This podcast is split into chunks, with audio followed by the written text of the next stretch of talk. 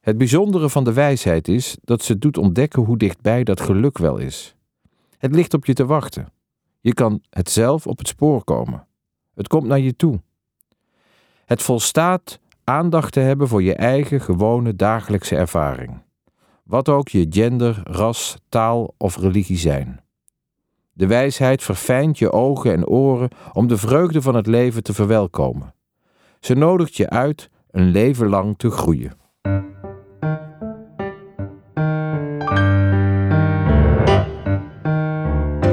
De Theologie-podcast gaat over wat vandaag speelt in kerk en theologie. De Theologie-podcast wil delen, inspireren en verdiepen.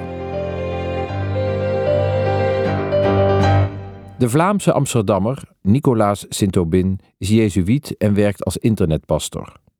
Hij is gespecialiseerd in Ignatiaanse spiritualiteit. Deze eeuwenoude levenswijsheid leert hoe je in je eigen ervaring de weg naar een vervullend leven kan ontdekken. In 2021 publiceerde hij bij Kok Boekencentrum de bestseller Vertrouw op je gevoel. Dit jaar verschijnt Levenslessen, hoe oude wijsheid jouw leven in bloei zet.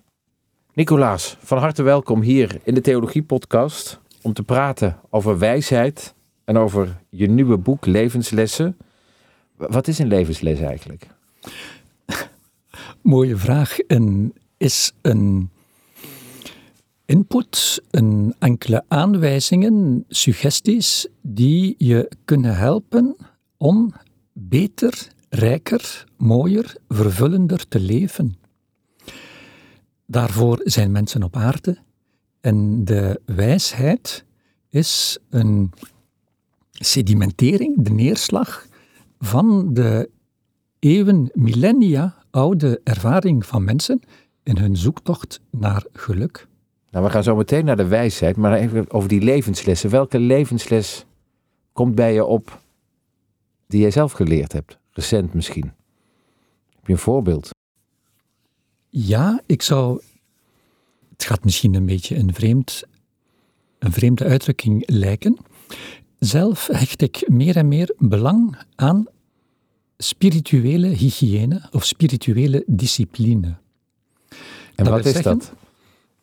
Aandacht om te luisteren naar mijn gevoelservaring en in het bijzonder om te vermijden dat als ik op een neergaand pad ben, wat kan gebeuren als ik een baaldag heb bijvoorbeeld, om niet te aanvaarden, niet als normaal te beschouwen dat ik naar omlaag ga.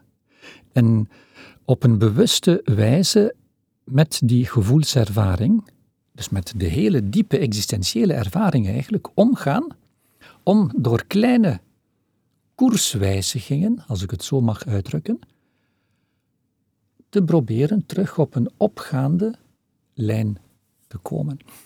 En dat is gewoon mogelijk. Dat heb ik geleerd. En de traditie waarin ik sta, de Ignatiaanse spiritualiteit, biedt daar allerlei tips voor, die meer zijn dan zomaar pure techniek, die echt gaan over spiritualiteit. Dat wil zeggen, ten gronde een gelovige houding, geïnspireerd door het evangelie van Jezus, om steeds opnieuw terecht te komen op de plek waar ik als mens eigenlijk thuis hoor. En dat is een plek, existentieel, gevoelsmatig, van rust, van blijheid, van al of niet sterke vreugde. Een plek waar het goed is om te zijn. Je zegt heel veel. Ik wil even te afbellen wat je allemaal gezegd hebt. Uh, je zegt, ik heb recent een levensles geleerd om af en toe bij te sturen of me niet neer te leggen bij uh, een, een, een baaldag of dat een negatief gevoel. Inderdaad. Wat was de aanleiding dat je die les op het spoor kwam in jouw leven? Wat gebeurde er? Als je nu, wel, ik zal daar een heel persoonlijk antwoord op geven. Een paar maanden geleden is een van mijn broers overleden. Och. En na een lange slepende ziekte en ik heb toen ervaren, en ik ervaar nog steeds, dat verdriet voor het overlijden van een dierbare, en zeker als dat voortijdig is, heel vervullend kan zijn. Klinkt misschien vreemd. Daarmee bedoel ik dat dat heel snel alle plaats kan innemen en iets vervullend heeft in die zin van ik ben verdrietig en het is goed dat ik verdrietig ben, want zie eens, en inderdaad, daar is een objectieve reden. En ik probeer heel bewust daarmee om te gaan. Dat wil zeggen niet dat verdriet zomaar negeren, onder de mat vegen, mag niet zijn, bestaat niet, ik sta daar, weet ik veel, sta daar boven of ik heb dat niet. Nee, dat verdriet is normaal en rouw is nodig. En tegelijkertijd, vandaar het woord hygiëne, discipline, er aandacht voor hebben dat dat verdriet niet alles overneemt. En niet in de plaats komt van het leven waarvoor ik hier ben en waarin ik uh, geloof. En om het nu terug persoonlijk te, uh, uit te drukken, mijn broer zou helemaal niet graag hebben dat ik helemaal eronder zou gaan bij manier van spreken. Hij wilde ook dat mensen om hem heen, niet tegenstaande zijn ziekte, konden leven, zijn kinderen, zijn vrouw, zijn broer, zijn andere en de andere leden van het gezin enzovoort. En ik heb ook in die ervaring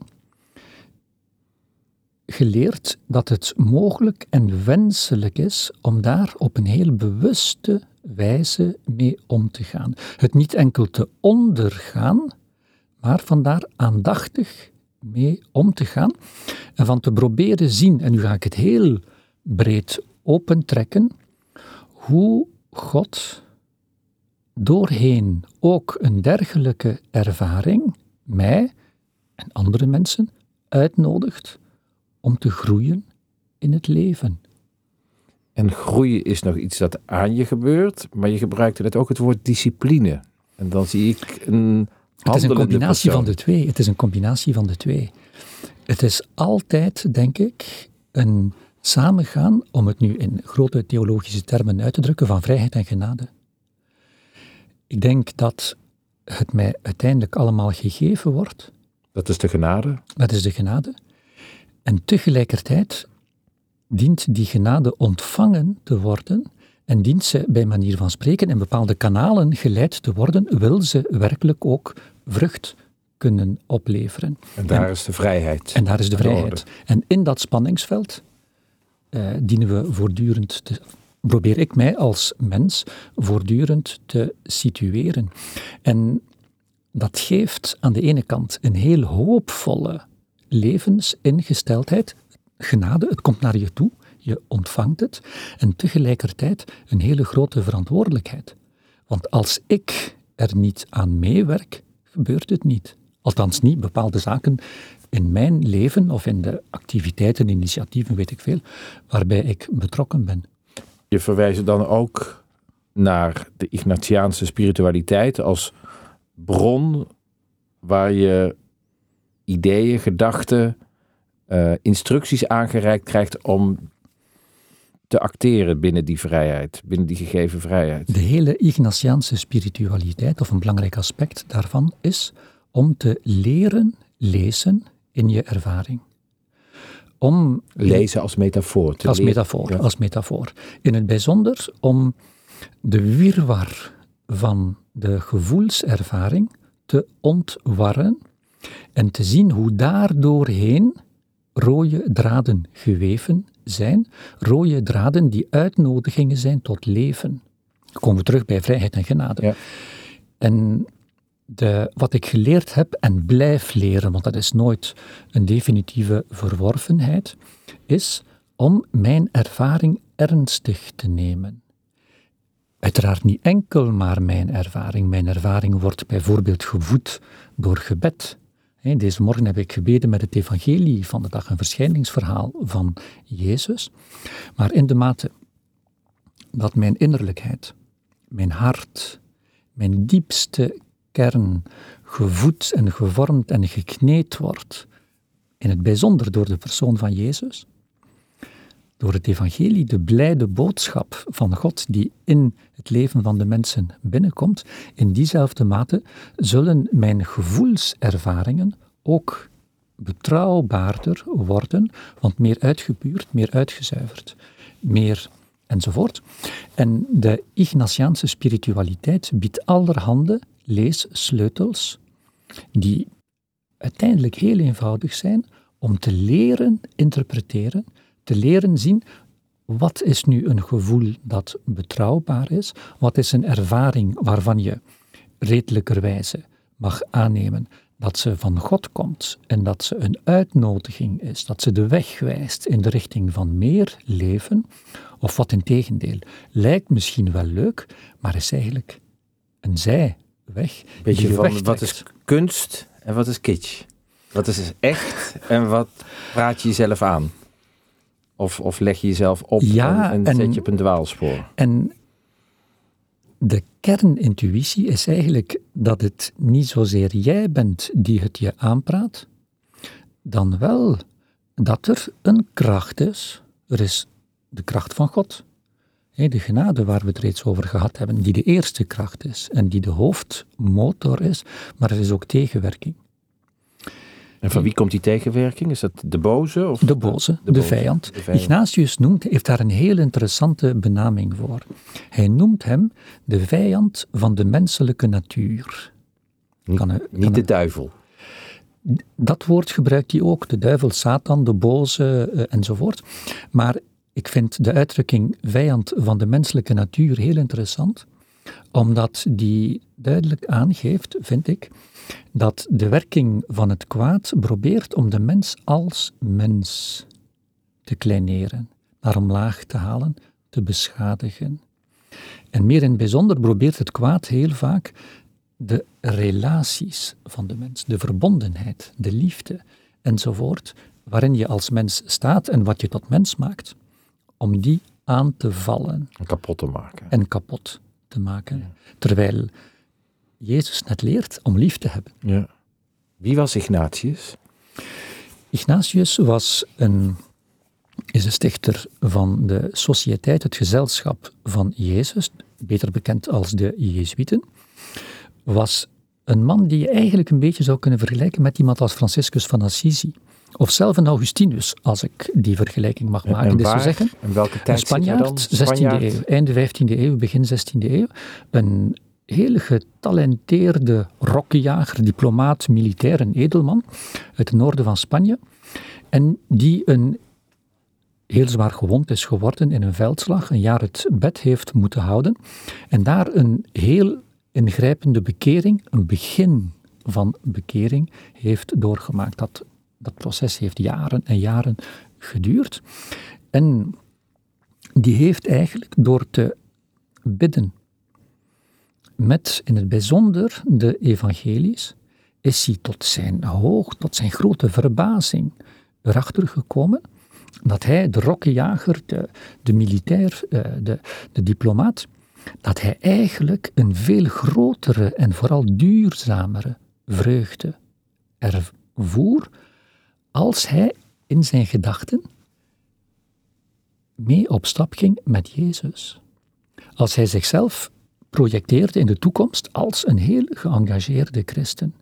Stelde hij vast, hé, maar dat geeft een kwaliteit, een diepgang, een vervulling die van een totaal andere orde is dan alles wat ik voordien al heb meegemaakt. En die man heeft zijn kar 100% gekeerd. Is een heel radicaal leven, in het begin waanzinnig radicaal leven gaan leiden, in het voetspoor, of datgene wat hij toen in al zijn radicaliteit en naïviteit dacht het voetspoor van Jezus te zijn, dat is heel geleidelijk aan gemilderd en op een meer redelijke... Want het werd een, een kloosterorde? Na twintig jaar. Oké. Hij heeft twintig jaar gezocht en zich gevormd, gestudeerd enzovoort. En uiteindelijk heeft dat geleid tot de stichting, inderdaad, van de Sociëteit van Jezus. En de Jezuïeten. De Jezuïeten. En waar hij zo'n specialist in geworden is, is de terugblik op de ervaring. Dat wil zeggen, het kijken naar de binnenkant. Wat voel ik, wat ervaar ik en wat zou dit kunnen zeggen over waar God mij toe uitnodigt. De man is daar zo'n weergaloos expert in geworden dat alle gekroonde hoofden uit katholiek Europa met hem correspondeerden om zijn raad te vragen. De man was toen wereldberoemd reeds. En ergens, de tijd gaat verder, eeuwen later, kom jij hem op het spoor. En ik heb Ignatius, hoe kwam jij, wat, wat, waar, was dat in, waar was je toen in je leven? Ik heb wat het ongelooflijke geluk gehad van als jongeman, Ja, naar het einde van mijn studies. Eh, ik studeerde recht en ik specialiseerde mij in een aantal zaken. in welke tijd zitten we dan ongeveer? We zitten in de jaren eh 86, 87. En dan zijn we in België, denk ik? Dan zijn we in België. En welke plaats in België? En ik studeerde toen aan de Katholieke Universiteit van Leuven. En- En, daar heb ik in een studentengroepje de Ignatiaanse spiritualiteit leren kennen. En heb je toen ook de kar van jouw leven de andere kant op gezet? Ja, tot mijn enorme verbazing. Ik was, dan een jaartje later was ik wer- begon ik te werken aan de universiteit en ik ging doctoreren en ik, zou, en ik werkte ook deeltijds in een groot advocatenkantoor. Ik heb die spiritualiteit ontdekt en met die spiritualiteit is heel geleidelijk aan, zonder dat ik het in het begin heel goed snapte, die kwaliteit van vreugde waar ik het daarnet over had, die ben ik gaan ontdekken. Ik dacht, wat gebeurt er? Wat gebeurt er? Ik was beleidend katholiek, ik vond het allemaal heel belangrijk, maar eigenlijk was dat relatief oppervlakkig. En ik heb eigenlijk de persoon van Jezus ontdekt. Biddend met de evangelies op die manier van Ignatius. En dat heeft mijn leven op zijn kop gezet, heel geleidelijk aan. Ik had het niet door. Mijn omgeving zag het heel duidelijk. En op een bepaald ogenblik, met dat groepje studenten, gingen we, je wil het niet geloven, naar de abdij van Leffe, van het bier. Dat was gezellig. Inderdaad. Voor een weekendje, een kloosterweekend. En daar kwam voor het eerst tijdens een stil moment op mijn kamertje daar in het gastenkwartier de vraag, maar Nicolaas, als jij merkt dat daar zo'n ruimte en zo'n kwaliteit van leven en van vreugde komt, elke keer als je echt heel bewust bezig bent met de persoon van Jezus, en mocht de weg voor jou nu zijn om je hele leven op een behoorlijk radicale wijze daaraan te, toe te wijden, dat pad eh, te bewandelen. En voor mij betekende dat toen, en die keuze heb ik dan ook gemaakt, van jezuïet te worden. Dus kloosterling, religieus. En hoe oud was je toen? Ik was, eh, als ik mij die vraag stelde, 25, ja, 25 jaar denk ik. Dus ik, ja, jongvolwassene.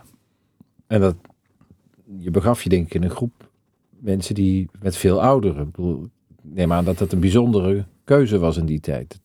Of Dat was toen jongeren? reeds een bijzondere keuze. Nu, dus in dat groepje waar ik zat met, Ja. die, met die studenten, dat waren, dat waren leeftijdsgenoten. Eh, maar inderdaad, het was bepaald geen voor de hand liggende keuze.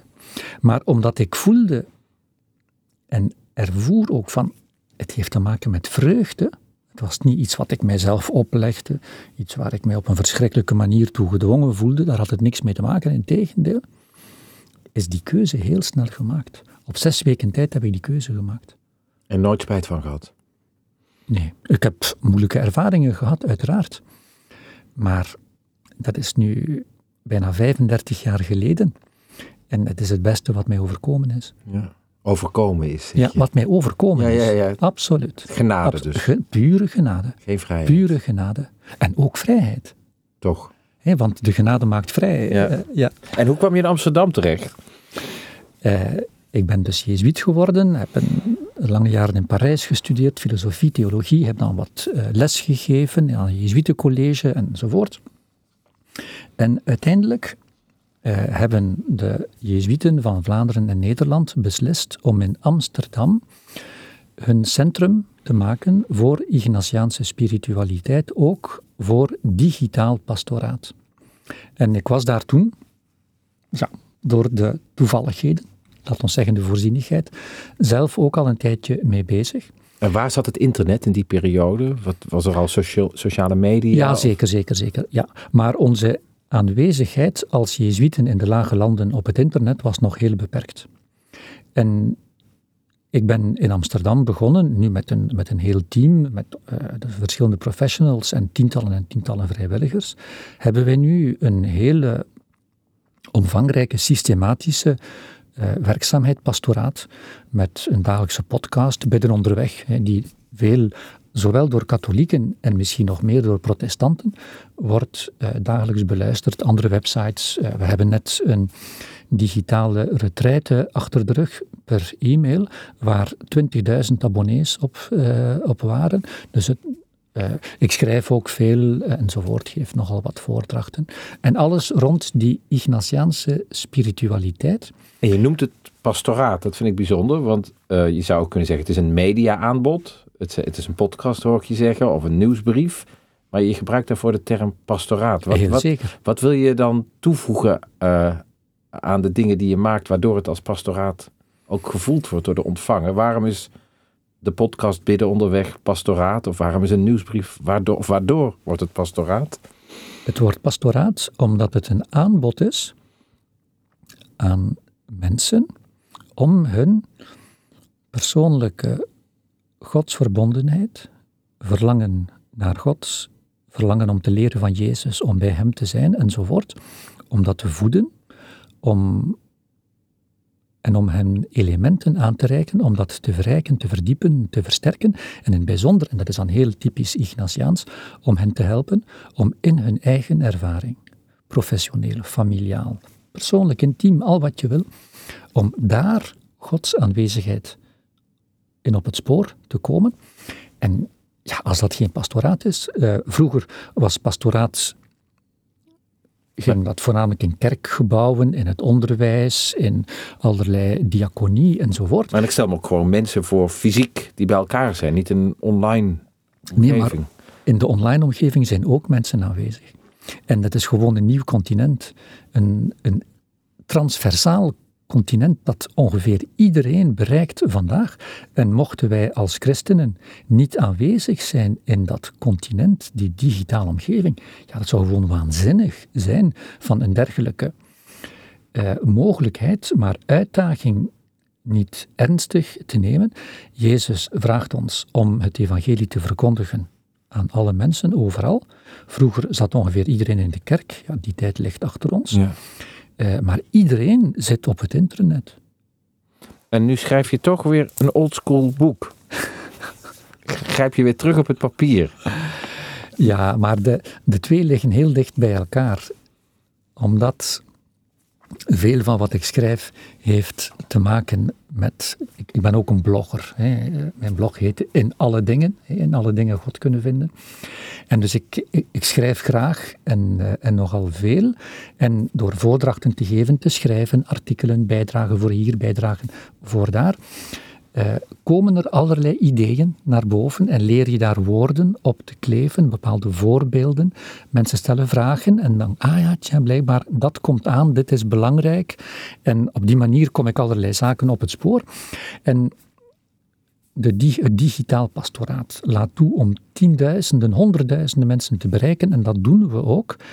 Het probleem, of probleem, nee, dat is geen probleem. Het typische van het digitale pastoraat is dat het tamelijk kort is en daardoor ook vluchtig dreigt te zijn. En dat is een boek niet? En dat is een boek niet. Als, je, als iemand een boek leest, dan ben je een paar uur bezig. En kan de impact veel groter en diepgaander zijn. Dus daarom denk ik dat het ook zinvol is om boeken uit te geven. En is het ook het schrijven aan een boek een andere weg voor jou? Bijvoorbeeld aan dit boek, het heet Hoe oude levenslessen, hoe oude wijsheid jouw leven in bloei zet. Is dat een andere manier van werken voor jou een andere aandacht dan wanneer het een blog zou zijn met de titel Levenslessen? Het is anders, maar het deelt in dezelfde fundamentele stroom, in hetzelfde fundamentele verlangen. Het is uh, meer uitgebreid, het is meer gestructureerd, meer uitgewerkt enzovoort. Ten gronde gaat het wat mij betreft over hetzelfde. Ja. En in dat nieuwe boek gaat het ook over het vinden van geluk. En dat verbaasde mij een beetje, want ik dacht, we leven in een tijd waarin geluk zo belangrijk is. Wat is jouw kijk op geluk? Ehm, Ik zou namelijk een ander geluid verwachten dan, je hebt het ook over het zoeken naar God. En dan denk ik, hé, hey, hier staat geluk ineens voorop. nu, ik denk dat God vinden alles te maken heeft met geluk. Met geluk, vreugde, blijheid, dankbaarheid, noem maar op, allerlei van dergelijke positieve eh, gevoelservaringen. En een van de kenmerken van de Ignatiaanse traditie is dat zij probeert de cultuur, het tijdsgevoel, maximaal te valoriseren. Dus te zeggen, de blijde boodschap niet te delen met anderen en te verkennen, te ontdekken, ondanks de cultuur, maar dankzij de cultuur en in de cultuur. Dus de cultuurkritiek of de religieuze kritiek op dat uh, geluks, uh, de gelukszoekerij van onze tijd. En iedereen wil gelukkig zijn en zich gelukkig voelen. Daarvan zeg je dat is misschien wel dat, dat is dan het startpunt. Nee, nee, het is geen kritiek in de eerste plaats. Het is wel een uitnodiging om te zien hoe je in die wirwar van de ervaringen die onze cultuur ons aanreikt, hoe je daarin God op het spoor kan komen. Nog steeds. En, nog steeds, uiteraard. Maar op zo'n manier, en dat is het, een beetje het, uh, het andere van dit boek in vergelijking met mijn uh, vorige boeken, dat zowel mensen van de binnenste kern van de kerken, als mensen die met kerk niks te maken hebben, zich lekker kunnen voelen, thuis kunnen voelen in dat boek. Wij leven in een seculiere, geseculariseerde cultuur, of je christen bent of niet. We leven in een geseculariseerde cultuur. Wel, die, deze twintig levenslessen, dat wil zeggen twintig essays, twintig opstellen zou je kunnen zeggen, zijn geschreven op een volledig seculiere leest. Ik ben priester, ik ben beleidende katholiek.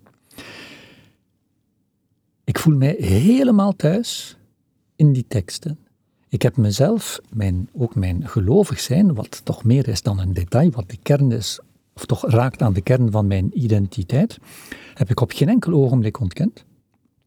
Ja, want je beschrijft een aantal begrippen in het boek. Uh, uh, bijvoorbeeld vertrouwen zit erin, of, of dankbaarheid. En, en daar mijmeren, het zijn een soort mijmeringen eigenlijk ja. over die begrippen, vaak ook geconcretiseerd aan de hand van, van anekdotes of wat je ja. waarneemt.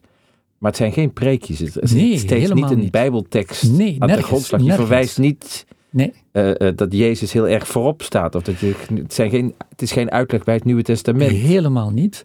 Maar we zijn het gesprek begonnen over vrijheid en genade. Wel, als er één thema centraal staat doorheen al die teksten, is het vrijheid en genade. Dat wil zeggen, een van de basisvragen van het christelijk geloof. Alleen gebruik ik het gewoon, het woord genade, nergens nee. in dit uh, boek. Maar de idee probeer ik op alle mogelijke manieren met de woorden van vandaag uit te drukken en mensen uit te nodigen, of ze nu bewust christen zijn, dan wel zich heel anders uh, gaan benoemen, om zich te openen voor die ervaring van de genade. Want Gods aanbod beperkt zich niet tot de christenen, tot de gedoopten. God houdt van alle mensen. En Gods, het aanbod van Gods genade is gericht tot iedereen. En wij hebben als christenen het ongelooflijke voorrecht dat wij in de persoon van Jezus in het bijzonder een unieke sleutel gekregen hebben om te leren ons te openen voor die genade.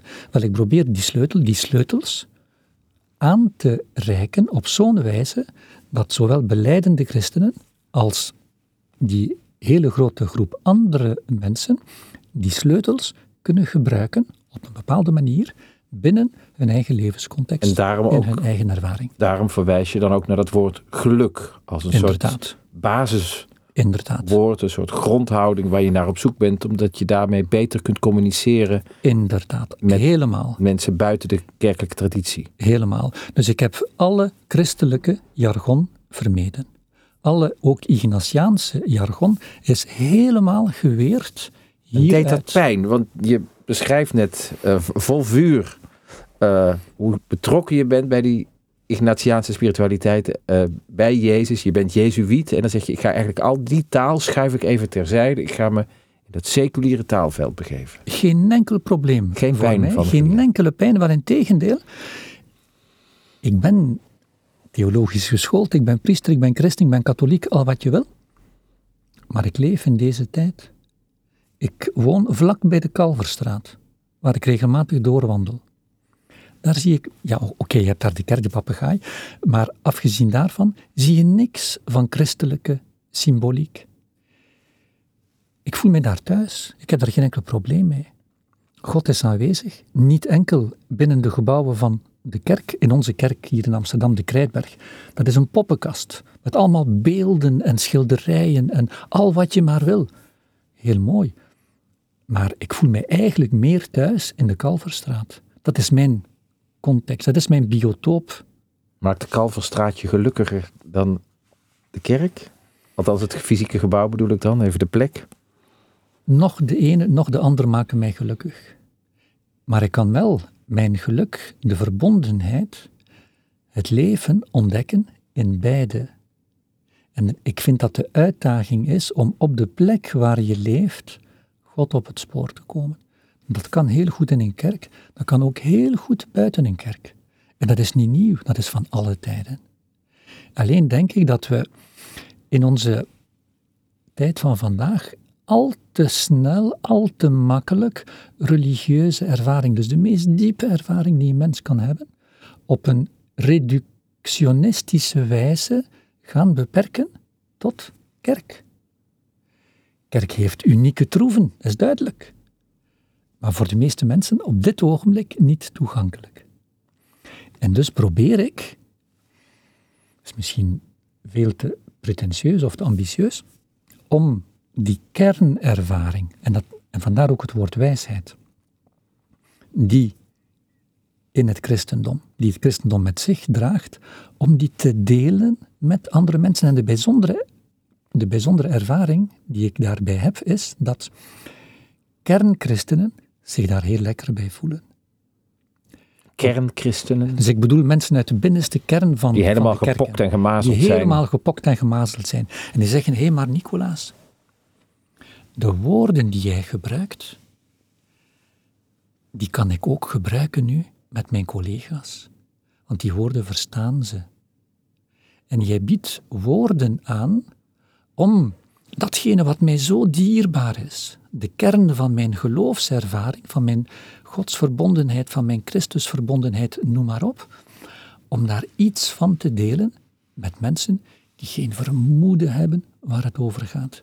Maar als ik, zo- zo'n zo'n kernchristen, met, met die collega, dan van dat typische, mooie christelijke jargon, ik heb niks tegen dat jargon, maar als ik die woorden gebruik, ze haken onmiddellijk af.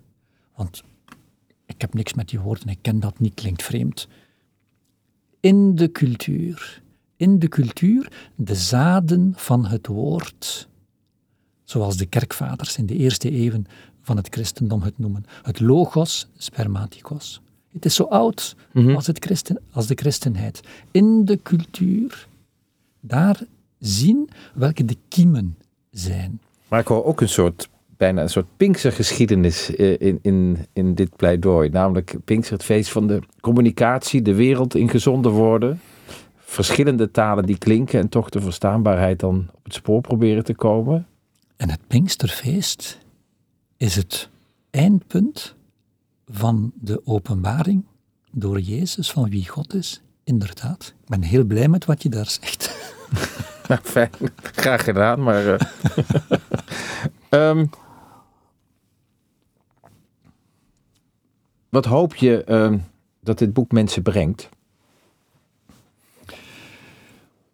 Ik hoop dat het mensen kan helpen, op weg kan zetten om zelf in hun eigen ervaring op het spoor te komen waar die zaden van het geluk reeds aanwezig zijn.